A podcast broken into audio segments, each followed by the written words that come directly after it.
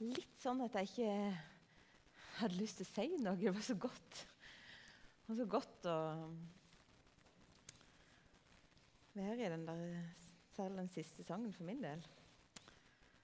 Men, men nok en gang god formiddag. Jeg er Ellen Merete, jeg er pastor her i Frimisjonen. Hvis du, hvis du er ny her, så er du hjertelig velkommen. Og eh, kom gjerne og hils på etterpå. Nå glemte jeg trykkeren. Se det. Det er greit, bare løse det med en gang.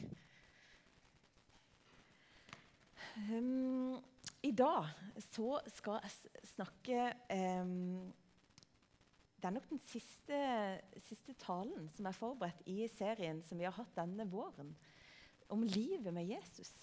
Og så knota jeg noe altså så voldsomt med å tenke, for vi har hatt forskjellige undertekster på den. Og så var det sånn ja, Hva skal jeg snakke om? Liksom, eller hvordan skal jeg, hva skal være underteksten i dag? Så hadde jeg tenkt at nå skal nå vi, vi, Forrige helg så var vi en gjeng som var på Liv og vekst i nord. Det var en utrolig fin opplevelse. Håper du blir med til neste år. Og håper jeg at du blir med på en menighetsviken som vi skal ha i september, andre helga i september. Den kan du bare holde av. Um, men jeg tenkte liksom, å, da var det jo ikke gudstjeneste her. Skal vi ikke bare kjøre på med pinsen? Og det har jeg på en måte tenkt å gjøre. Sånn at nå er du forberedt på det. At eh, det blir noe pinse oppi denne her. Eh. Men så så, eh, så var det et bibelvers som jeg ikke helt klarte å slippe. Og det, og det betyr ikke at det nødvendigvis er fordi at Gud minner meg på det. Det kan jo bare være fordi jeg fikk oppheng. Det kan jeg få av og til. Jeg fikk oppheng på et vers. Og det tenkte jeg skulle si noe om. Og da er vi plutselig òg innom det som har med Kristi himmelfart å gjøre. Og for dere som ble konfirmert, så husker dere kanskje at det var på selveste Kristi himmelfartsdag. Mm, det to veldig flotte folk og nikker pent her. For da snakker vi nemlig om det. At Kristus, Jesus, han er dratt inn i skyen. Og at det ikke betyr at han er dratt fra oss. Men han er Gud, som er på en måte altså Han som kom til jorda som et lite barn, er nå dratt tilbake til guddommen. Der hvor han egentlig kom fra, der hvor han hører hjemme. Vi snakker om at denne skyen den er nevnt i Det gamle testamentet når Guds nærvær er manifestert blant folket. Og Jesus er her ved sin ånd blant oss. Vi ser han ikke, men han er her. Hvis du lurer på hvilket ord, vers, jeg hadde litt oppheng på, så står det altså i Romerne. Å ja, det var Kristi himmelfartsdag allerede. Det var det bildet jeg fant på den. um, men fra Romerne 8, 34 så står det Jesus, det Kristus Jesus er den som døde. Ja, mer enn det. Han sto opp og sitter ved Guds høyre hånd. Og han ber for oss. Jesus altså, skal, når jeg skulle snakke om Kristi himmelfartsdag, så fortalte jeg at når jeg var liten, så, så jeg for meg hvordan Jesus tok en slags skyheis opp. Og Idet disiplene sto og så på, så gikk han med denne skyheisen, vinka, og de måtte vinke 'ha det bra'. Og Det var et sånt bilde jeg hadde.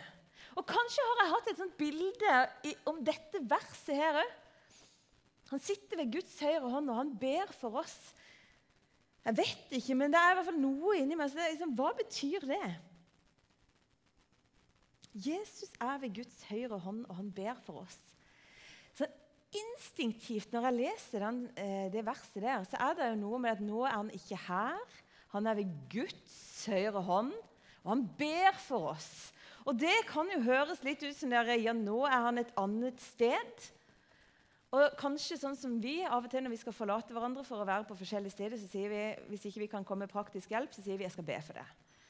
Og at det var et liksom tanke jeg hadde med, jeg vet ikke opp igjennom. Jeg har ikke liksom klart hva jeg har tenkt, men det har vært noe med dette verset som har vært litt vanskelig for meg.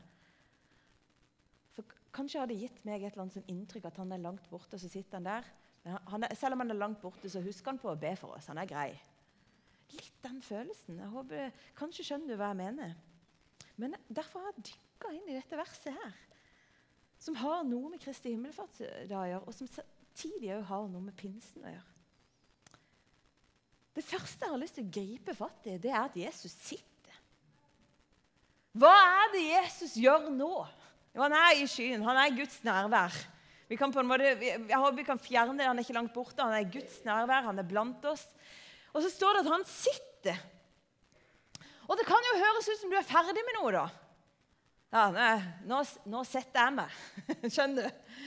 Nå kan dere holde på, for nå setter jeg meg. Litt den følelsen kan det kanskje gi med dette verset. Jeg vet ikke. Men det er noe fint i det òg. For å sitte er en hvileposisjon. Og Her er det faktisk en referanse som går helt tilbake til første Mosebok. For hva var det Gud gjorde når han var ferdig med å skape? Han hvilte.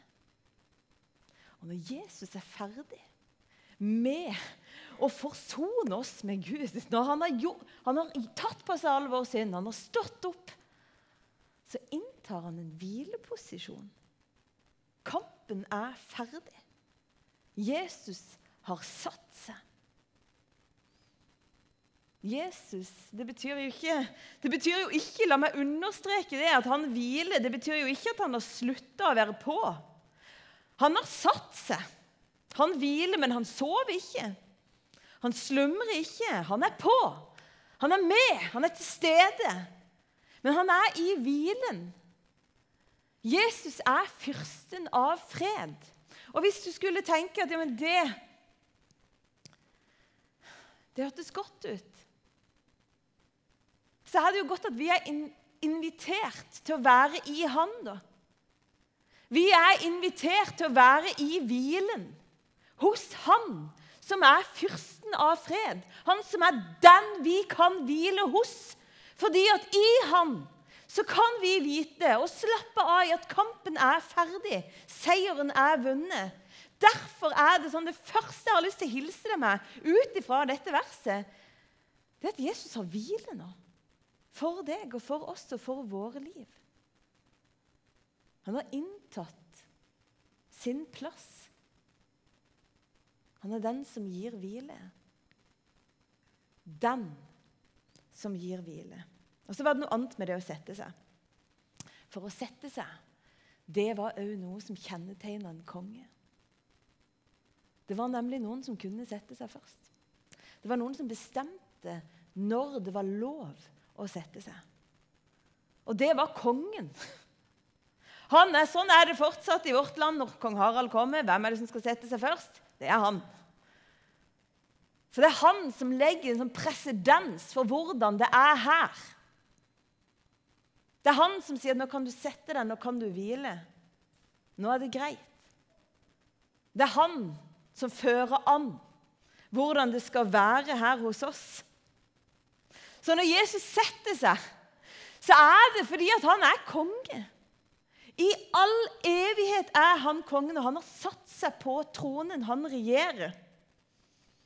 Han hersker med Faderen i Den hellige ånds enhet. Og dette er ikke småtteri. Fordi at det at han er konge, det at han setter seg, det betyr at alt er underlagt Jesus. Han vet at for han må hvert et kne bøye seg. Og Det står i 1. Peters brev så det er han som for opp til himmelen og nå sitter ved Guds høyre hånd. Etter at engler, myndigheter og makter er underlagt han. Jesus Kristus har satt seg ikke som en sånn slapp handling etter at han ble veldig sliten av å være her på jorda. Han har satt seg fordi at nå er seieren vunnet. Han er konge. Han har gjenvunnet. Han har gjenvunnet det som var veldig kaotisk. Han har gjenvunnet kosmos. Han har gjenvunnet sitt rike på jord. Og det at han setter seg, det er et tegn på at hans regjeringstid er inne. Jeg er veldig, veldig, veldig, veldig veldig glad i 'Ringenes herre'. Og der, ja, Takk skal du ha, Eivind. Jeg visste at vi delte. Men det er, der er det en scene som har rørt meg så mange ganger. fordi det har vært en sånn himla kamp for å få denne ringen opp i noe lava. Og, og, og, tilbake så skal det feires. Og så er det en kroning av kong Aragon. Og så sier han som kronen, så sier han, Now comes the days of the king. Den tenkte jeg på den setninga når, når, jeg tenker på at Jesus setter seg sånn Voff! Nå er Kristi regjeringstid. Han er konge. Og han er kongen som har hvile i hvem han er, og hva som er vunnet. Derfor kan vi som tilhører han, som har tatt imot han som konge, som, som vår frelser og venn, vi kan få lov til å hvile med han. Og samtidig ta del i det riket som han har å gi. Har fått del i hans seier. Og der er skrevet her Han har satt seg. Da kan alle andre sette seg. det er fort gjort å bli bekymra. Bli veldig stressa. Det er ofte grunner til det. Fort gjort å kjenne at kavet bare vrr. Jeg kan iallfall gjøre det. Da trenger jeg faktisk en konge som Jesus. Fyrsten av fred. Da trenger jeg faktisk å minne meg sjøl om at jeg hører til i hans underfulle rike som aldri går slutt. Han som har vunnet kampen for meg. Konge vet du, de har grenser for sitt folk. En grunn til at det er grenser, er grunn til at det er folk som stiller seg på grensa her oppe i nord. Det får vokte riket. Jesus er kongenes konge, han er herrenes herre. Han har alle makt og myndighet underlagt seg. Han har satt engler ved grensene. Han vil vokte. Han ser, han slumrer ikke og sover ikke. Israels vokter. Vår vokter. Hvor er det han hviler? Ja, hviler i stolen. Ja, Vet ikke hvordan den ser ut. Vet ikke om det faktisk er en stol, eller om det bare er et bilde. Ofte så er det jo både konkret og bilde inni, inni dette her. Det er ikke godt å vite, men det står i hvert fall at han hviler ved Guds høyre hånd. Og I Bibelen så leser vi ofte om høyre hånd og side, høyre side. Både når det er snakk om forhold mellom mennesker og forhold mellom menneske og Gud. Den høyre hånda er allmaktshånda, for høyresida har med vilje å gjøre. Når det skulle inngås pakt mellom mennesker, så var den høyre sida ofte involvert. Hadde noe med vilje vilje til å gi seg til hverandre. Den høyre hånda den representerer noe. Den representerer vilje. og Han representerer også utøvelse og handlekraft. Og Hvis du sitter her og tenker men jeg er venstrehendt, så har jeg lyst til å si til deg at det er Og dette, altså, dette er spør, altså, hvis det stemmer, da Har funnet ut på Google at bare 11 av verdens befolkning er venstrehendte. Så majoriteten bruker høyrehånda. Så hvis du kjenner at du blir litt sånn fornærma av dette, kan du ikke bare tenke at du er spesiell. Ja, Tenk det. Tenk at du er unik og spesiell. Um, men i Bibelen så er høyresida et sterkt uttrykk for myndighet. Det er brukt mange plasser i Bibelen, både i Det gamle og Det nye testamentet, som uttrykkes på en måte det har noe med, jeg sier, Nå er det alvor. Dette vil jeg, dette gir jeg meg til. Her er det kraft. Det er mye mer kraft i min høyre hånd enn venstre hånd. Så hvis jeg noen gang henger fra en klippe og du skal hjelpe meg, så ta fatt i den. Skjønner du? Den er ikke så sterk. Vi møter det i Det nye testamentet faktisk eh, flere plasser. Men uh, husker du Zakaria, som blir far til døperen Johannes? Han er ypperste prest, eller øverste prest, heter det. Han møter en engel som lover at han skal bli pappa. Og Så står det på høyre side av alteret. Da sto det en engel. På høyre side. Det er akkurat som om det bare understreker at denne engelen han var ved Guds høyre side, for han var blitt gitt kraft. Det var ved Guds vilje. Han hadde fått mandat fra Herren til å handle. Og Johannes han skriver i åpenbaringa i kapittel 1, vers 17 Når han får et mektig syn, da blir han redd, og så sier han for han vet Jesus, da la han sin høyre hånd på meg. Jesus er ved Guds høyre hånd, så sier det noe om at Guds vilje er uttrykt. Og Det vet vi allerede, for det har Jesus sagt. At Guds vilje er uttrykt gjennom og i Jesus. Han sier, 'Den som har sett meg, har sett far'. Jesus er den som viste hvordan far er. Han er den som uttrykte Guds vilje in, in flesh. Og så er det bare sånn at Guds vilje er fortsatt uttrykt i Jesus. Guds kraft er fortsatt å finne i navnet Jesus, i den han er, i kongen vår. Der er Gud uttrykt. Der er hans sitt mandat. Der er den kraften, den allmakten, blitt gitt i hans sønn Jesus. Det er ingen andre som sitter ved Guds høyre hånd. Det er det han som gjør. Og Derfor kan vi krangle alt det vi vil, med alle mulige forskjellige retninger og religion og bla, bla, bla. Men det er én. Det er én som viser oss hvem Faderen er. Det er én som er veien til han. Det er én som har handlekraft. Det er mange forskjellige makter og myndigheter. Det er én Gud, og han har vist seg gjennom Jesus Kristus. Jesus er veien, sannheten og livet. Han er den. Det er han at vi finner veien til Gud. Det er det han sier. Det er det han har gjort. Det er det han taler. Jesus snakker faktisk om høyrehånd sjøl. Når han er innenfor Det høye råd, så spør de han, er du Messias. Er det du som er han som vi venta på, som skulle komme? Og Da sier han, 'Jeg er det'. Og dere skal se menneskesønnen sitte ved kraftens høyre hånd. Ved kraftens høyre hånd, ved Guds høyre hånd. Men her sier Jesus ved kraftens høyre hånd. Og Dette peker jo på hvem det er Jesus sitter på tronen sammen med og i. Det er jo den treenige Gud. Det er Faderen, Sønnen og Ånden.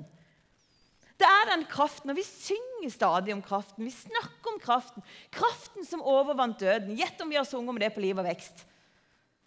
Ja, det har vi. Samme kraft som reiste Jesus opp fra de døde.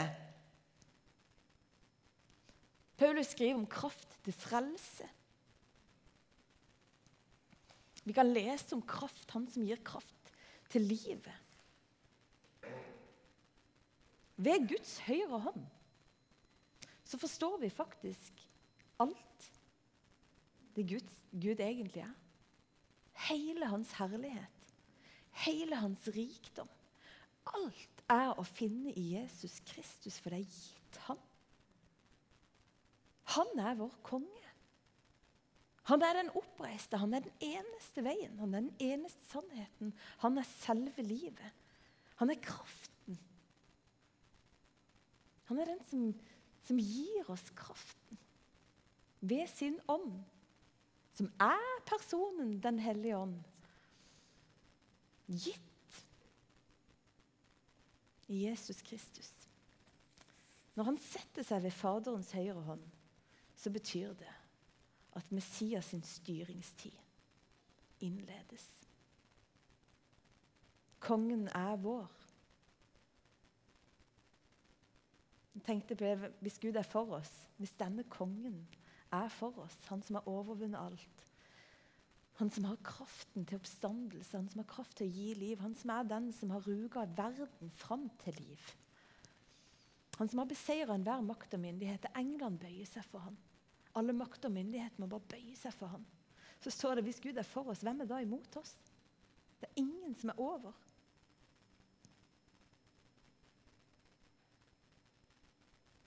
Og så står det at han, han ber for oss. Jesus er ved Guds høyre hånd. Han har satt seg der. Og han ber for oss. Og her jeg har skrevet en gang til. Hva betyr det? Hva betyr det at han ber for oss? For det kan virkelig Sånn som vi bruker sånn, 'Jeg skal be for deg', sant? så er det jo ikke fordi det, det, ikke betyr noe, men det er jo ofte noe vi gjør når vi skal skilles fra hverandre. Sånn, 'Jeg skal huske på å be for deg'. Ja, skal huske på det. Og så er det jo ikke det Jesus har sagt, at 'nå stikker jeg, men jeg skal huske på å be for deg'. Be for det. I Det gamle testamentet så var det sånn at det å be for folket det var en stor oppgave. En presteoppgave.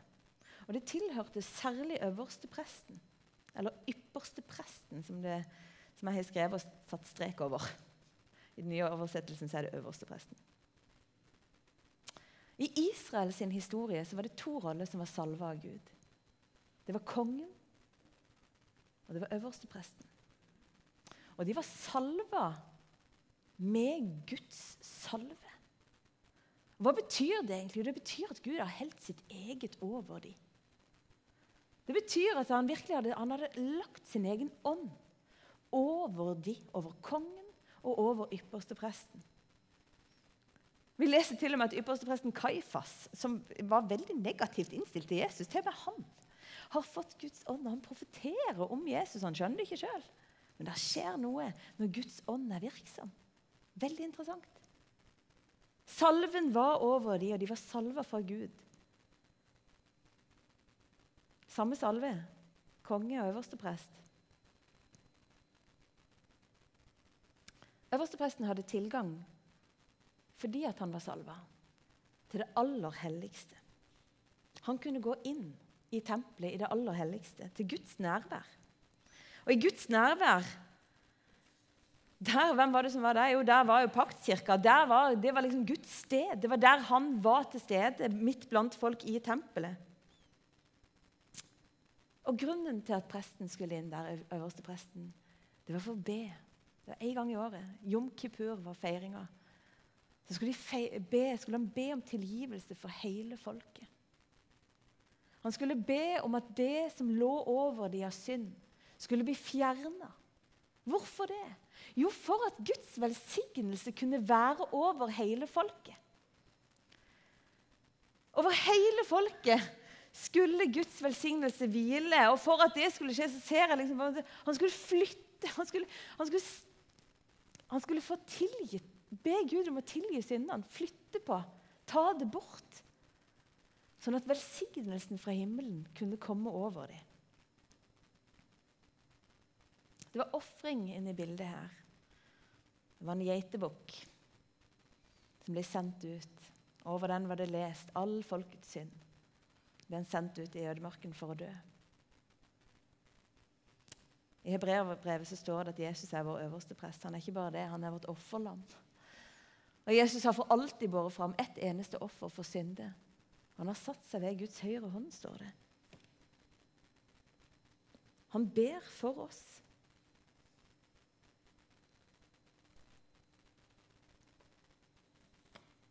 Han har selv stilt seg i gapet mellom det som var mellom oss og Gud, når han døde på, ga sitt liv på Golgata. Og på en måte, Hvordan ser det ut når Jesus ber? Jo, på en måte så er det hans store bønn på korset.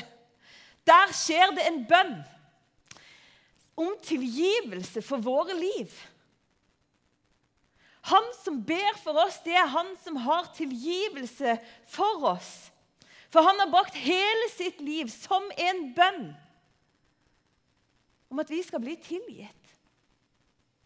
Og så er det ikke bare hans mål at vi skulle bli tilgitt, men det er en grunn til at han vil at vi skal ta imot hans tilgivelse. Det er jo fordi at Guds velsignelse skal kunne hvile over oss, over våre liv. At, og her er vi inne på pinsen. For det er jo det det handler om. At Guds nærvær hviler over våre liv. At den kraften som overvant døden, at den er hos oss, for oss og i oss. At den kraften som gir liv, som en gang ga liv til alt som lever, som stadig gir liv der det ikke ser ut til å finnes noe liv At det livet er over våre liv. Han er den som kan skape en vei hvor det ikke fins noe vei. Han er den som skal få det til å spire hvor det bare ser ut til å være helt råtna og tørka ut.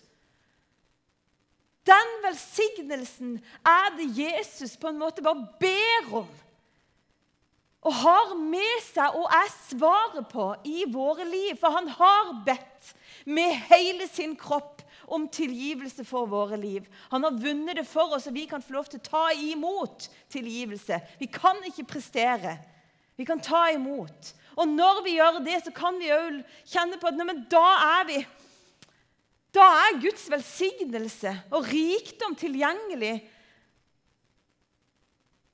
for oss. Og Her har jeg et lite vitnesbyrd før jeg skal gå videre. Og Det var nemlig sånn for Jeg husker altså ikke om det, om det var vinter eller vår. holdt Jeg på. Jeg husker bare at jeg var gal og sliten av alt som skulle gjøres. Og jeg var her i Tromsø, så det var her. ja da. Jeg var på touchpoint. Jeg tror jeg talte. Jeg var der iallfall. Kanskje det var nattverden. Hvem vet? Skjønner du? Hodet var fullt. Um, og så møtte jeg av alle ting en nabo fra Kristiansand som var innom. Og så eh, er hun innom. Og egentlig så satt vi sammen, og hun ville gjerne bli bedt for, for hun skulle ut på et eller annet tur. Og så ender det opp at vi ber litt sammen. Det som var tingen, det var at jeg hadde hatt en periode med veldig mye å gjøre. Og jeg husker når jeg gikk til touchpoint den dagen, at jeg tenkte Jesus, jeg kan ikke, jeg har ingenting. Jeg har ingenting å si. Jeg har ikke noe å gi. Jeg, altså, jeg kan ikke, altså, jeg, jeg bare sendte meldinger til folk jeg kjente. Må dere be? Altså, jeg, her er det nada. Og så sendte jeg ut melding da, om at folk måtte be. Men det er litt sånn der, det kan man jo bare ende opp med å bare gjøre. I en sånn nesten altså, desperasjon og et fattig håp om at det skal hjelpe. Ja, her er pastoren. Og så tenker jeg at mens hun ber for meg, så sier hun det er som om jeg ser for meg Så ser hun et bilde, da, så du må ha litt fantasi for å være med på dette. her, Men det er som jeg ser for meg at du, du står på en måte i en slags midten. Og så er det bare det at du, du har lys, men det er ikke så veldig sterkt akkurat nå. Og så ser jeg bare masse lys på forskjellige steder rundt deg som sender lys. Og så plutselig så flammer du opp. Da ble jeg så ydmyk. Kanskje litt fordi at jeg av og til glemmer å skjønne at bønn funker. Og så ble jeg også ydmyk i forhold til alle som ber for meg. Og så fikk jeg samtidig gjenvunnet troen på bønn. For det de gjorde, de ba om Guds velsignelse over livet mitt. Og det ga kraft. Og tingen var bare det at midt i min fattigdom så hadde det jeg hadde sagt, det hadde, virka, på noen. Da, for det, fikk, det var det noen som kom og sa. Det var ikke fordi jeg hadde gjort et godt forarbeid. Det var Guds nåde over livet mitt.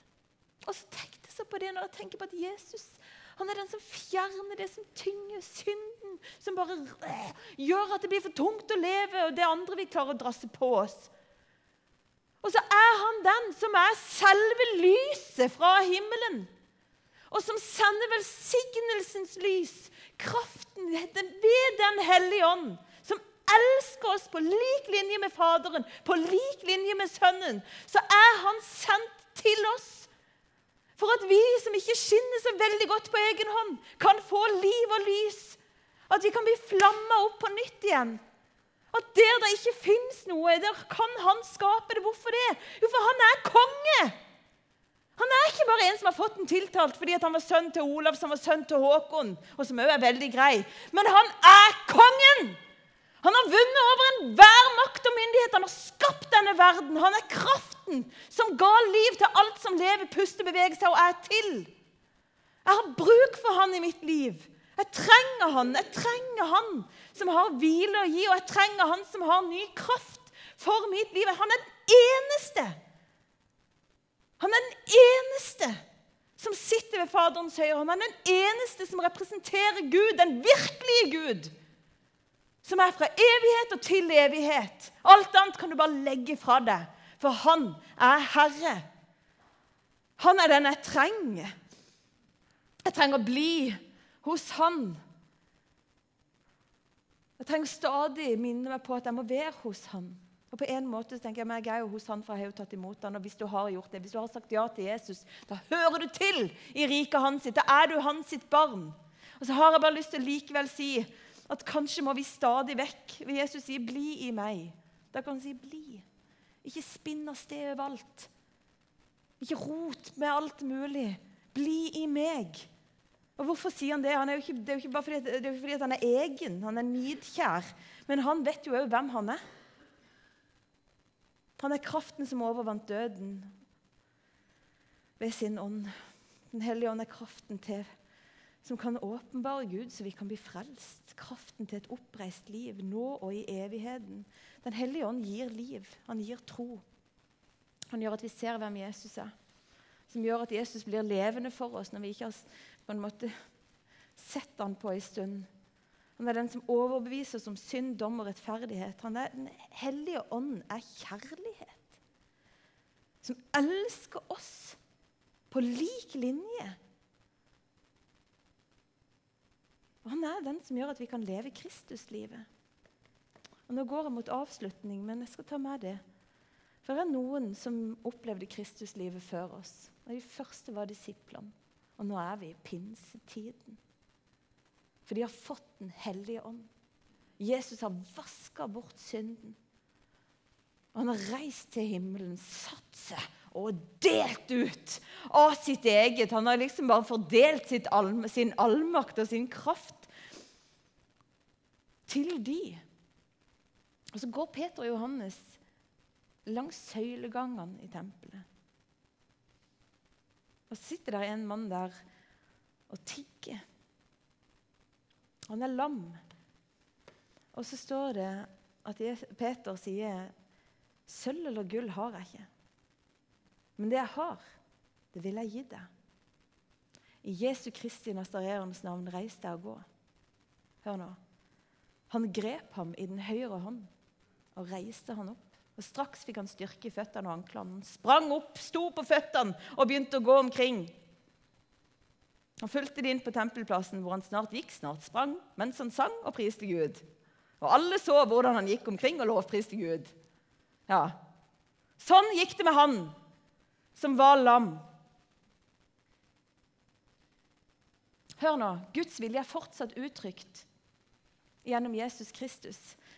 Han er òg uttrykt gjennom Kristi kropp. Og det er oss som er kirka. Han er uttrykt gjennom våre liv. Han er fordelt til oss. Guds herlighet er gitt til oss. Og Guds vilje er fortsatt uttrykt i Jesus Kristus, i det han har gjort, men òg i den han er på denne jorda i dag. Og jeg vet ikke om du la merke til det. Men Peter tok tak i mannen sin høyre hånd. Her er min lille sånn der eh, Ja, til ettertanke. Men vi er skapt lik Gud, og vi har òg en vilje. Vi har òg en vilje. Denne mannen ga høyrehånda si og tok imot. I Salme 73 er det Asaf som skriver, skriver at 'du har grepet min høyre hånd'. Jesus han sitter ved Guds høyre hånd. Han sitter ved Guds allmakt, og kanskje utfordrer han òg vår allmakt. Vår kunnskapsmakt, vår beslutningsmakt og vår vilje. Frelsen trenger du ikke å må ikke bli du må ikke blande. Frelsen ligger i troa på Jesus Kristus. Men det er jo mer å hente, for den ligger i bekjennelsen at han er død og oppstått. Ved troen, hør nå, ikke ved gjerninger, men ved tro har vi fått Den hellige ånd. Ved troen på Jesus Kristus. Men det er et bilde her som forteller at livet endrer seg når han får plass.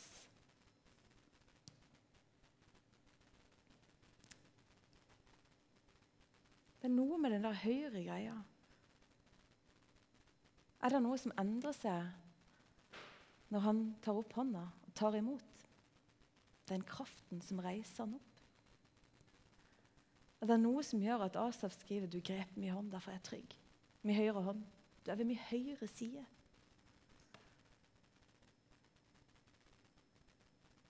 Hvordan er dette her? Hvordan er det? Hvordan forandrer Den hellige ånd livet vårt? Er det noe som bare skjer, er noe, eller er det noe vi må la skje? Jeg har lyst til å si begge deler. For jeg tror at det skjer noe i det du tar imot Jesus Kristus og flytter Den hellige ånd inn, og noe begynner å skje. Da har du fått evigheten lagt i deg. Noe begynner. Noe begynner å skje når denne ilden beveger seg i livet ditt. Jeg har erfart og hørt så mange fortellinger om mennesker som bare kjenner at noe ble helt forandra inni meg. Jeg kan ikke forklare det. Jeg gjorde ingenting. Det bare endra seg. Så jeg tror med absolutt at ved å ta imot Jesus Kristus og flytte Den hellige ånd inn Ferdig! Sånn er det. Da skjer noe på innsida. Samtidig så kjenner jeg at jeg har lyst til å utfordre på dette. Og la Han som sitter ved Faderens høyre hånd, ta bolig ved din høyre side. At han skulle få tilgang til viljen vår. At han skulle få tilgang på livet mitt. At han skulle få plass. At han skal få lov til å bestemme noe, eller at jeg har lyst til å høre til hans rike og følge han som konge og herre. Når vi snakker om livet med Jesus, så må vi jo snakke om hvem han er, og hvilken rolle det betyr at han kanskje må få i livene våre hvis det skal bety en forskjell. Det betyr at Jesus er herre. Og vi er invitert til å leve et liv i ånden, i lyset. Vi er invitert til å bøye oss for kongen.